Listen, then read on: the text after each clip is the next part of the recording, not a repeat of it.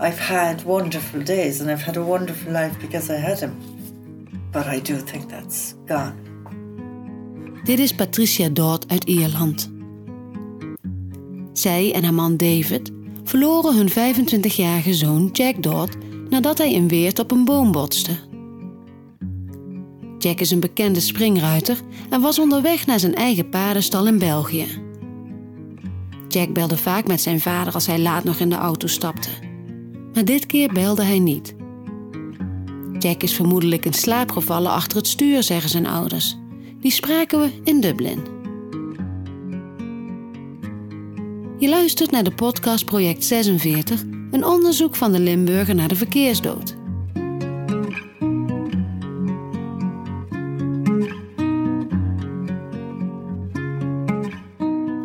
In deze aflevering Jack Dodd uit Foxford.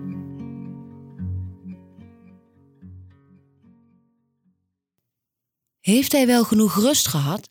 vraagt ze zich af als ze hoort dat haar goede vriend Jack Dodd niet op de bank blijft slapen die nacht, maar besluit om naar huis te rijden. Het verjaardagsetentje in het Belgische Opgladbeek was gezellig en is laat geworden. Maar de volgende ochtend komen er mensen op bezoek bij de paardenstal van Jack. En dus wil hij op tijd thuis zijn. Paarden zijn Jacks grote passie. De springruiter uit Ierland heeft sinds september 2017 zijn eigen bedrijf in België. Hij verkoopt paarden, traint ze en geeft les. Jack is een beroemdheid in de wereld van de paardensport. Die woensdagnacht, 30 mei 2018, stapt hij in de auto en rijdt via Nederland naar zijn huis in het Belgische Balen, zo'n drie kwartier verderop. Op de Bocholterweg in Weert sukkelt Jack rond half drie in de nacht in slaap en botst frontaal tegen een boom. Hij is zwaar gewond, heeft hersenschade en is bewusteloos, maar hij leeft nog. De brandweer knipt de auto open en bevrijdt hem. Jack wordt naar het ziekenhuis in Maastricht gebracht. Zijn ouders, die in Ierland wonen, worden ingelicht en reizen meteen af naar Nederland. Negen dagen lang zitten ze bij hun zoon aan bed. Op 7 juni 2018 sterft Jack nadat de beademing is stopgezet.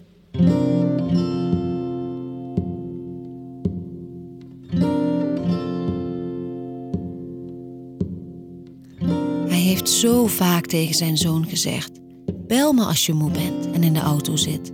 I used to say to him, if you're driving somewhere late at night and you're tired, ring me you Oh, yeah. home. Ook al is het laat, zegt David. Ik zal mopperen misschien, maar dan praat ik met je tot je thuis bent.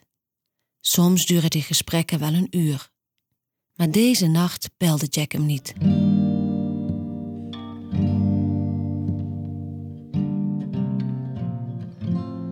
Vader David Dodd, die met moeder Patricia in Foxford in het eerste graafschap Mayo woont, ziet die bewuste woensdagochtend dat een vriend van Jack belt. Die belt wel vaker, maar nooit zo vroeg. Het gesprek is kort. I said, hi Dave. I said, hi Alex. And next thing he said, Jack was in a crash. And I said, is he alive? He said, yes. I said, okay, we're on the way. And that was it. Jack heeft een ongeluk gehad. David schreeuwt niet. Hij huilt niet. Hij is rationeel. Well, I don't know. It just is the way I reacted. I didn't start screaming or crying or anything like that. Ze moeten naar Nederland. Nu. Trish, zoals iedereen Patricia noemt, voelt meteen dat het mis is. De twee vertrekken diezelfde dag nog via Düsseldorf naar Nederland. Een vriend van hen regelt de vlucht. Met stoelen helemaal voorin, zodat ze als eerste kunnen uitstappen. De vlucht is verschrikkelijk, zeggen ze. Yeah, that was the most horrible time.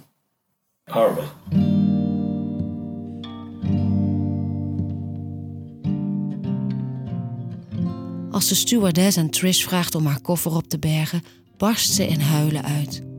De hele vlucht huilt ze. David en Trish hebben het gevoel dat alle controle weg hebt. Yeah, because you're you're on the plane. You can do nothing. Yeah, yeah, exactly. At least if you're in the car, you Yeah. can drive. You can go faster. You can take a shortcut. You can't fly the bloody plane. Op de bijrijderstoel kun je tenminste bellen. Of in het ziekenhuis kun je een arts vragen stellen. Maar in het vliegtuig kun je niets dan wachten. Daar voel je je hulpeloos. And that was the only time that we felt Helpless. we didn't. Yeah, we were had no control. In het ziekenhuis in Maastricht wordt het echtpaar bijgepraat over de toestand van hun enige zoon. Zijn rug en nek zijn in orde, wat erop duidt dat hij in slaap is gevallen. His back and his neck were perfect, so the doctor said that showed that he'd actually fallen asleep. Wel is Jack's been gebroken en, erger nog, er zit een zwelling in zijn hoofd. De artsen kunnen hem pas helpen als die is gestopt. Maar de zwelling stopt niet. Zolang er niet nog slechter nieuws komt, zeggen Trish en David, is er hoop. Dat is wat hen op de been houdt. And no one, no one, I think, should ever be allowed to take that Hope. little bit of hope away from you. It might be silly, it might be unrealistic, but it yeah, keeps. it's, it's hope keeps you going. Jack's vrienden komen elke dag naar het ziekenhuis. Omdat Jack een bekende springruiter is, informeert de pers naar hem. Trish en David, die in Maastricht in een Ronald McDonald huis verblijven, brengen een statement naar buiten. Jack houdt zich kranig.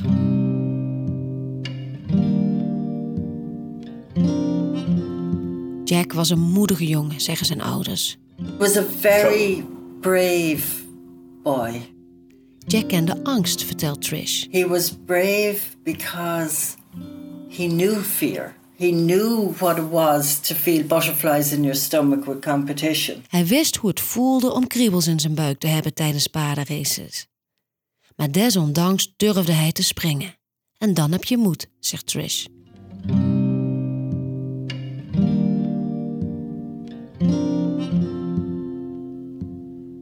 Jack was ook een positieve jongen. Een harde werker die leefde voor de paardensport. Zijn liefde voor de dieren was er al vroeg. David had al voor Jack's geboorte een pony gekocht, Frosty.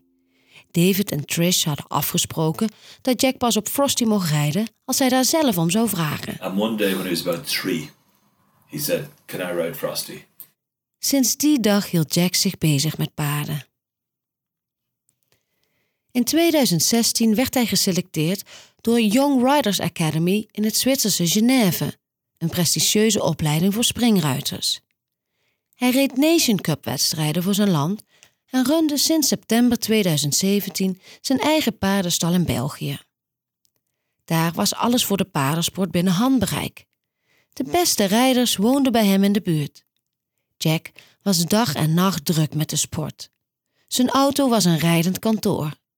But he was going to be someone the sport needed to To advance the Yeah, sport. Na het ongeval werd het horloge dat Jack van de Academy kreeg als cadeau gevonden. David denkt dat een van de brandweermannen het in zijn jas verstopt heeft. yeah, but one of the um, firemen obviously found it and put it in a jacket that Yeah. was in the back of the car. Sindsdien draagt Trish het horloge elke dag.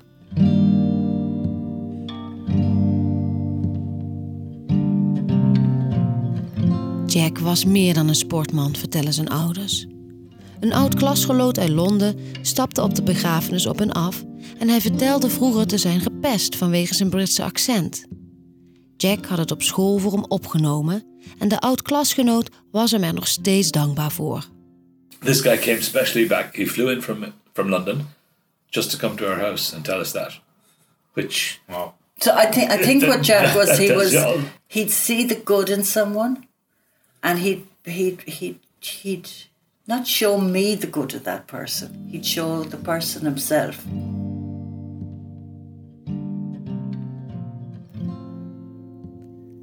De dagen na het ongeluk knapt Jack niet op. Dat hij het ongeluk niet zal overleven wordt steeds duidelijker. David en Trish staan na negen dagen voor een beslissing. He said, "Look, the doctor said you have to make a decision about uh, turning off the machine." Gaat de machine uit? In overleg met de artsen besluiten ze de beademing stop te zetten. En ook gaan ze akkoord met orgaandonatie. Op één ding na. And then I said, "But not his eyes."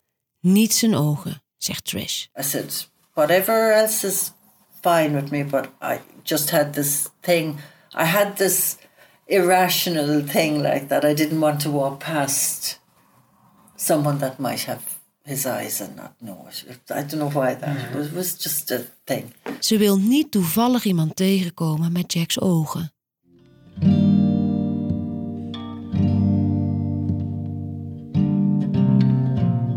Na zijn dood moet Jacks lichaam terug naar Ierland voor de uitvaart. De bekendheid en het netwerk van hun zoon openen deuren, merken Trish en Dot. Ze krijgen zelfs hulp van de Ierse ambassade in Nederland. Vrienden regelen een privéjet waarmee Jack en zijn ouders één dag na het overlijden naar Ierland worden gebracht. Thuis wordt het lokale vliegveldje tijdelijk geopend voor de gasten die naar de uitvaart willen komen. Ze hebben geluk gehad met al die hulp, hoe wrang dat ook klinkt in deze situatie, vertelt Trish. It wouldn't normally happen like that. No. We would never have been able to get him physically flown home in an aeroplane, except he had friends who were in a position that they were able to have access to private planes. Private jet. Hoewel Jack het grotendeels aan zichzelf te danken heeft dat hij zulke connecties had, beseffen Trish en David dat al die hulp tot de privéjet aan toe uitzonderlijk is. En dat voelt ergens niet eerlijk. And that's not fair. That's not right. De familie en vrienden besloten daarom een stichting op te richten. De Jack Dodd Foundation. We should do some sort of charity because this could happen any family. In het ziekenhuis ontstond het idee al. Daar werden ze met liefde en hulp overladen. Van artsen, vrienden en kennissen. There's so much love and so much generosity Goodwill. in this room. We need to we need to Harness it. do really, something yeah. with it. Het geeft wat rust als je niet alles zelf hoeft te regelen, zeggen Trish en David. En dat gunnen ze anderen ook. De stichting helpt sindsdien springruiters en hun families. Of dat nu gaat over hulp bij een ongeluk of hulp bij het opzetten van een bedrijf.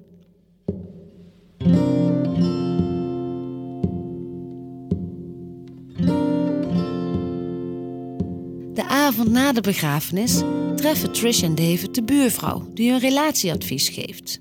Die vertelt: I have a very good friend and they lost a child. De buurvrouw heeft zelf meegemaakt dat vrienden een kind verloren. En binnen een jaar verloren de ouders ook elkaar. Within a year they'd lost each other. The marriage just disintegrated.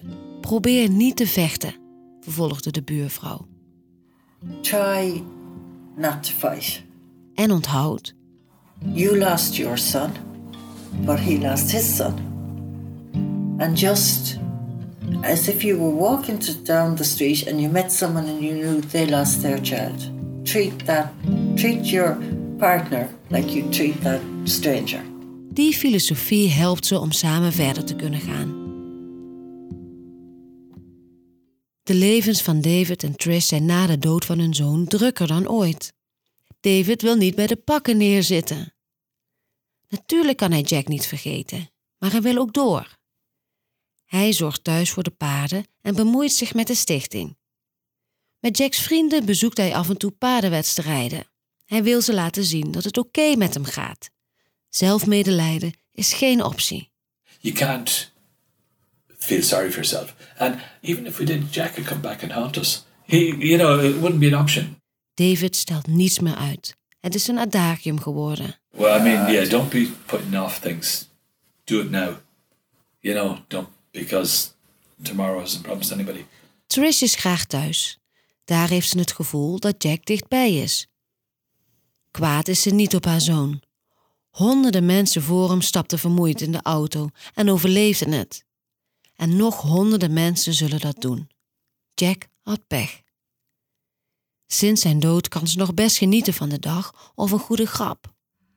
Maar of ze ooit nog echt gelukkig zal zijn, I've had wonderful days and I've had a wonderful life because I had him. Uh, but I do think that's gone. She left you alone for three days. What on earth were you gonna do?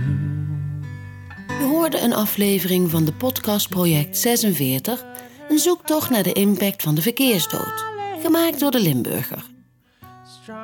De muziek die je hoort is van Pablo en Luca van der Poel. In de volgende aflevering het verhaal over Julie Hoofwijk, die na een verjaardagsfeestje van een vriendin op de fiets wordt geschept. Julie is op slag dood. De bestuurder, die onder invloed is, laat haar achter op straat. Het gebeurt vlak bij Julie's ouderlijk huis, waar de vader van een vriendin s'nachts aanbelt.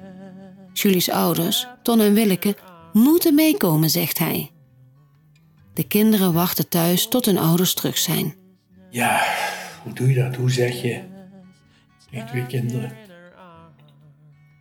Je zus is dood.